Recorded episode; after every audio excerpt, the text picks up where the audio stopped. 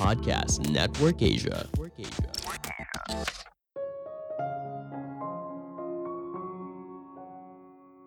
Sukses bisa dibangun di atas kegagalan ketika kita tidak terlalu baper saat gagal. Halo semuanya, nama saya Michael. Selamat datang di podcast saya, Sikutu Buku. Kali ini saya akan bahas buku What I Learned Losing a Million Dollars karya Jim Powell dan Brandon Moynihan.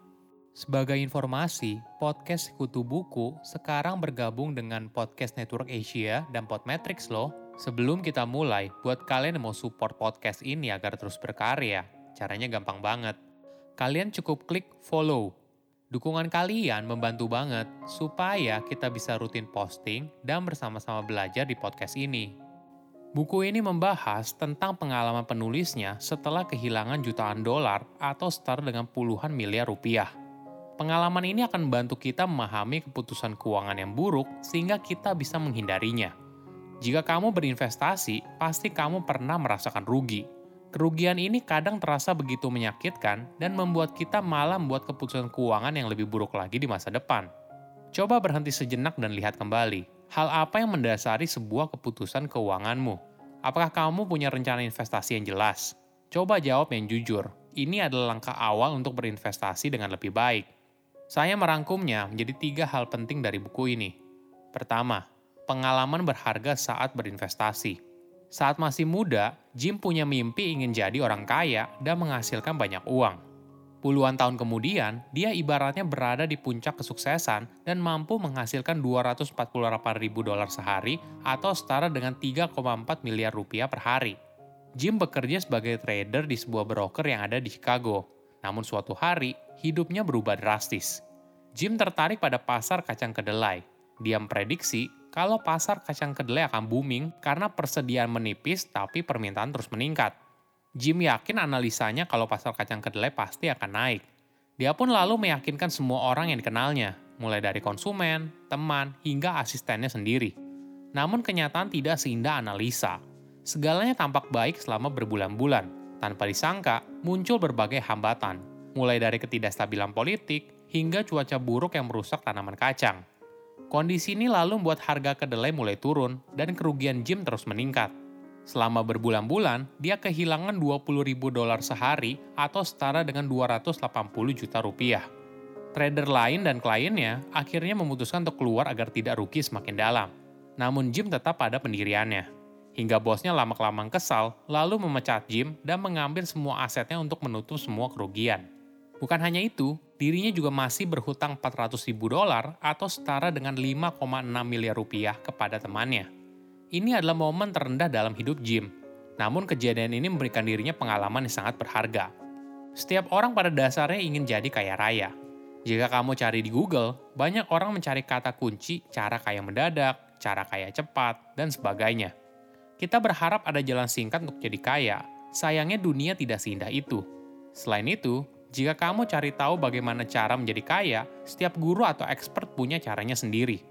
Wajar saja karena tidak ada satu jalan terbaik untuk jadi kaya. Misalnya begini, Ian Templeton yang merupakan salah satu investor paling sukses di abad ke-20 pernah memberikan saran investasi untuk menyebarkan investasi yang kamu miliki. Kedengarannya masuk akal kan? Tapi Warren Buffett malah memberitahu kamu sebaliknya. Fokus pada sedikit instrumen investasi. Tentunya hal ini jadi membuat kamu bingung, karena setiap orang punya resepnya sendiri untuk sukses.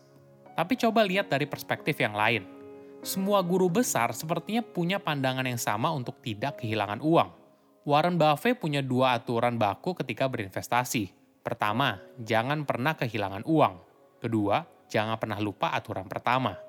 Hal yang sama juga pernah diungkapkan oleh legenda Wall Street bernama Bernard Bauch. Kamu harus belajar untuk menerima kekalahan dengan cepat agar tidak terus-menerus kehilangan uang.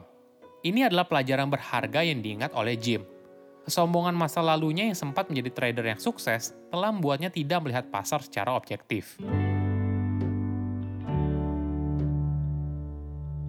Kedua, sulitnya mengakui kesalahan. Dalam berinvestasi, kita pasti pernah mengalami kerugian. Ini bukan kondisi yang menyenangkan. Coba bayangkan seorang pedagang buah. Dia tahu, dalam ratusan apel yang dibeli, pasti ada satu atau dua apel yang busuk Pedagang itu menerima buah yang busuk sebagai fakta kehidupan dan tidak terlalu kesal atas kejadian tersebut. Bisnis yang seperti itu, kadang kamu merugi. Beda halnya ketika seorang berinvestasi di pasar saham atau instrumen investasi lainnya. Ketika mengalami kerugian, hal ini menjadi sulit diterima dan dimasukkan ke dalam hati. Maklum saja, orang tersebut biasanya juga menganggap kalau kesuksesan investasinya sebagai pencapaian pribadi. Ini adalah pola pikir yang berbahaya Padahal, sukses itu bisa saja merupakan gabungan dari beberapa hal, mulai dari memanfaatkan peluang yang baik, berada di tempat yang tepat pada waktu yang tepat, atau bahkan sekedar beruntung. Pola pikir ini yang membuat seseorang sulit maju dan tidak bisa melihat gambaran yang lebih besar. Hal yang sama terjadi pada Jim. Ketika pasar kacang kedelai mulai turun dan dia kehilangan 100 ribu dolar, Jim tidak merasa ada yang salah dengan analisa awal yang dibuatnya dan menutup posisi untuk mengurangi kerugian. Dia merasa saat ini kondisi pasar yang salah dan dirinya benar. Jadi ditunggu saja, nanti pasti akan kembali. Sayangnya hal ini tidak terjadi dan Jim sudah keburu dipecat oleh bosnya. Mengakui kalau kita salah memang bukan hal yang mudah. Hal ini yang membuat kerugian kita saat berinvestasi bisa sangat banyak.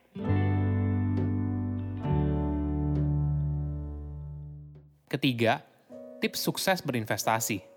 Pernah nggak kamu berinvestasi ketika teman, keluarga, atau lingkungan sekitar berinvestasi di produk tersebut? Atau kamu membeli saham A karena banyak direkomendasikan di grup saham atau para influencer saham? Jika iya, ini yang dinamakan crowd mentality, sebuah perilaku seorang yang dipengaruhi oleh lingkungan sekitar. Keputusan tersebut biasanya cenderung emosional dibandingkan rasional. Tentunya kita merupakan bagian dari kelompok, entah di mana pun itu ketika di sebuah produk investasi seperti saham dan sebagainya, kita cenderung takut ketinggalan dan menganggap saran orang lain di grup saham atau influencer saham merupakan saran terbaik. Ini bisa berbahaya. Ada contoh yang menarik tentang tulip Belanda pada abad ke-17. Saat itu, pedagang di Belanda tergila-gila dengan bunga tulip dan harganya meroket tinggi. Tak lama kemudian, harga sebuah umbi tulip setara dengan gaji rata-rata orang selama 10 tahun tulip lalu menjadi barang mewah yang diperebutkan semua orang. Hingga akhirnya pada tahun 1636, gelembung ekonomi ini pun pecah dan harga tulip turun secara drastis. Dampaknya, hal ini membuat ekonomi Belanda hampir bangkrut. Mungkin kita sekarang bisa tertawa dan merasa aneh kenapa ada orang rela membeli tulip semahal itu. Namun jika kamu berada pada masa itu, mungkin saja kamu melakukan hal yang sama.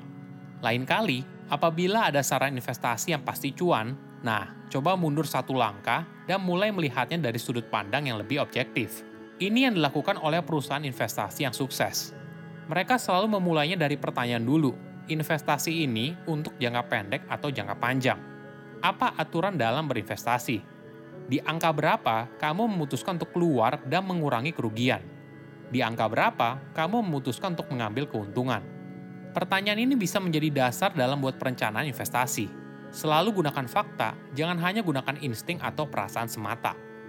Investasi itu tidak selalu untung, pasti kamu juga pernah mengalami kerugian. Kamu harus pahami resiko dari setiap rupiah yang kamu investasikan. Saya undur diri, jangan lupa follow podcast Sikutu Buku. Bye-bye. Pandangan dan opini yang disampaikan oleh kreator podcast, host, dan tamu tidak mencerminkan kebijakan resmi dan bagian dari podcast Network Asia. Setiap konten yang disampaikan mereka di dalam podcast adalah opini mereka sendiri dan tidak bermaksud untuk merugikan agama, grup etnik, perkumpulan, organisasi, perusahaan, perorangan, atau siapa pun dan apa pun.